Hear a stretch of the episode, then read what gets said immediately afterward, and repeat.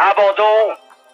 Hoeveel kan een mens verdragen? Abandon. L'image est terrible. Uit koers. I think he's abandoning the Tour de France. C'est terminé.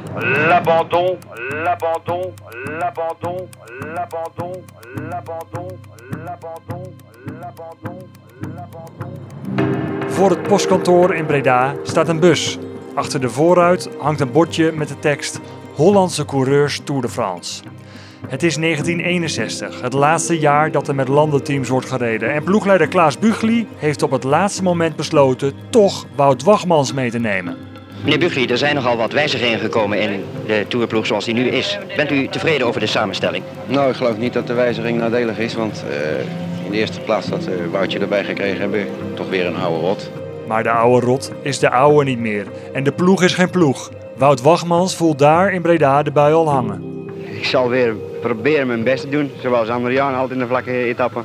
In de bergen zijn wij ook niet zo bijzonder, maar ja, we zullen proberen om van tevoren de zaak bij elkaar te krijgen. L'abandon. Met de fietsen op het dak rijdt de bus Breda uit. Langs de weg staan mensen te zwaaien. In de bus twijfelt Wout Wagmans. Het is zo warm op weg naar Rouen. Het is toch geen weer om te fietsen. Wagmans had in de jaren 50 etappes gewonnen in de Tour, het geel gedragen. Maar in 1961 is het allemaal niks meer. In etappe 9, op weg naar Grenoble, stapt Wagmans af. Voor het oog van een verslaggever van het Parool. Wout Wagmans en Koen Niesten waren de eerste die in de beschutte schaduw van de bezemwagen stapten. Na bijna twee uur rijden verlieten ze het rustig voortpeddelende peloton. En wat wil het geval? Langs het parcours een bar tabak.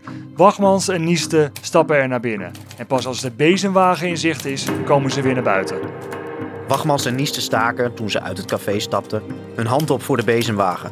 Ze zaten nauwelijks naast de Engelsman Danson of Wagmans smeekte om een sigaret. Hij kreeg hem natuurlijk. De twee Nederlanders in het oranje paften blauwige rookwolkjes in de bak van de camion. Het was te warm om te fietsen en daarom zei Wagmans: Mij zien ze hier nooit meer.